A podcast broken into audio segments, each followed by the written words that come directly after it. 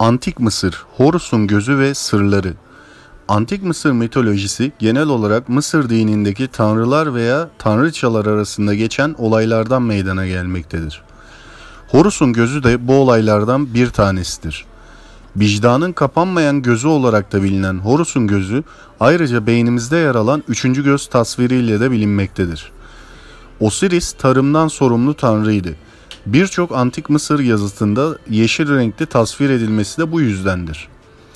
Kız kardeşi Isis de büyüden sorumlu tanrıçadır. Bir diğer erkek kardeş Set idi ve o kötülüklerin tanrısıydı. Horus, Osiris ve Isis'in çocuklarıdır.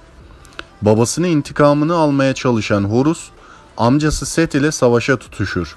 Set onu yenemez ama gözünü parçalayıp çıkarmayı başarmıştır.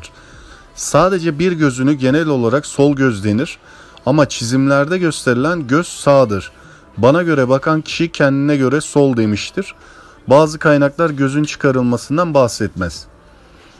Horus gözünün parçalarını üstün gayret göstererek tamamlar. Ama bir parça eksik kalır. Bu parçayı da Tot, bilgelik tanrısı tamamlar. Horus'un gözü artık tas tamam olmuştur. Isis, Osiris'i hayata döndürmek için sihirli sözler söyler ve onu hayata döndürmeyi başarır. Fakat Osiris konuşma, duyma ve benzeri yeteneklerden yoksundur.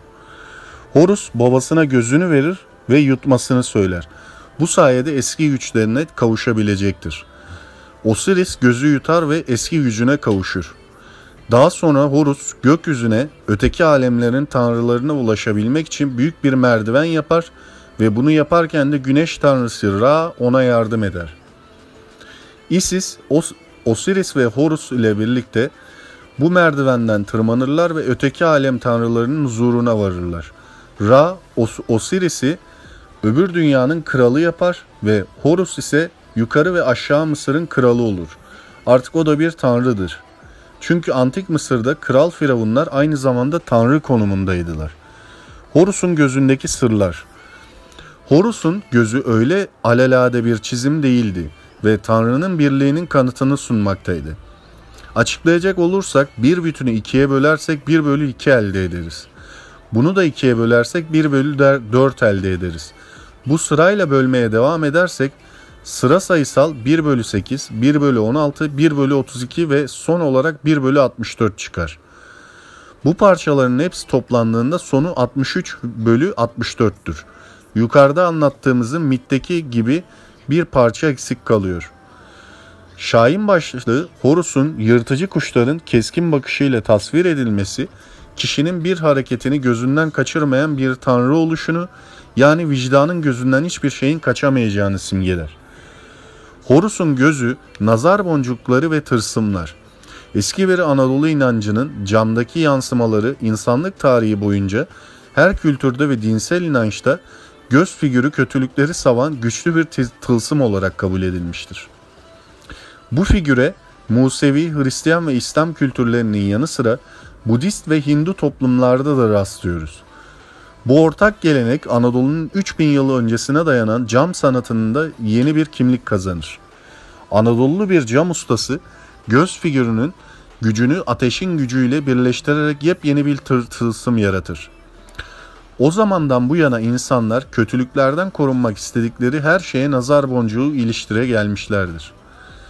Yeni doğmuş bebeklerden bindikleri ata hatta evlerinin kapılarına bile nazar boncuğunu geleneği olarak Anadolu'da hala yaşamaktadır. Sayıları giderek azalan nazar boncuğu ustalarının hünerli elleriyle biçimlendirdiği ışıltılı göz boncukları Anadolu'dan dünyanın dört bucağına yayılmaktadır. Horus'un gözünün matematiksel sırrı nedir? Gay Robbins ve Charles Sute The Ringed Mathematical Papyrus adlı kitabında şöyle bahsetmiş. Mısır'da yaygın olarak un ve tahıl miktarını ölçmek için kullanılmış ve adına hekat yaklaşık 4.8 litre denilmiştir.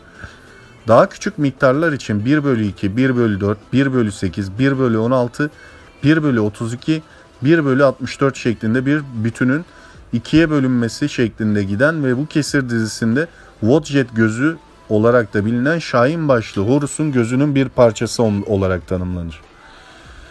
Rind Papyrus'un açıkça ifade edilen bu durum Horus'un gözünde görüldüğü gibi glif diye isimlendirilen parçalardan oluşur. Bu altı parça da sırasıyla 1 bölü 2'lik kısma duyma, 1 bölü 4'lük kısma görme, 1 bölü 8'lik kısma düşünme, 1 bölü 16'lık kısma koklama, 1 bölü 30, 32'lik kısma tatma, 1 bölü 64'lük kısma, kısma ise gözyaşını yani merhameti temsil eder. Ve toplamları 63 bölü 64'tür. Anlaşıldığı üzere 5 duyu ve düşünce sistemi rasyonel olarak Horus'un gözünde anlam bulmuştur. Ayrıyeten Horus'un gözüm, gözünün çizimlerinde arkadaşlar e, beyindeki epifiz bezi yani e, beyin kısmında yer alan üçüncü gözü de temsil ettiği söylenmektedir.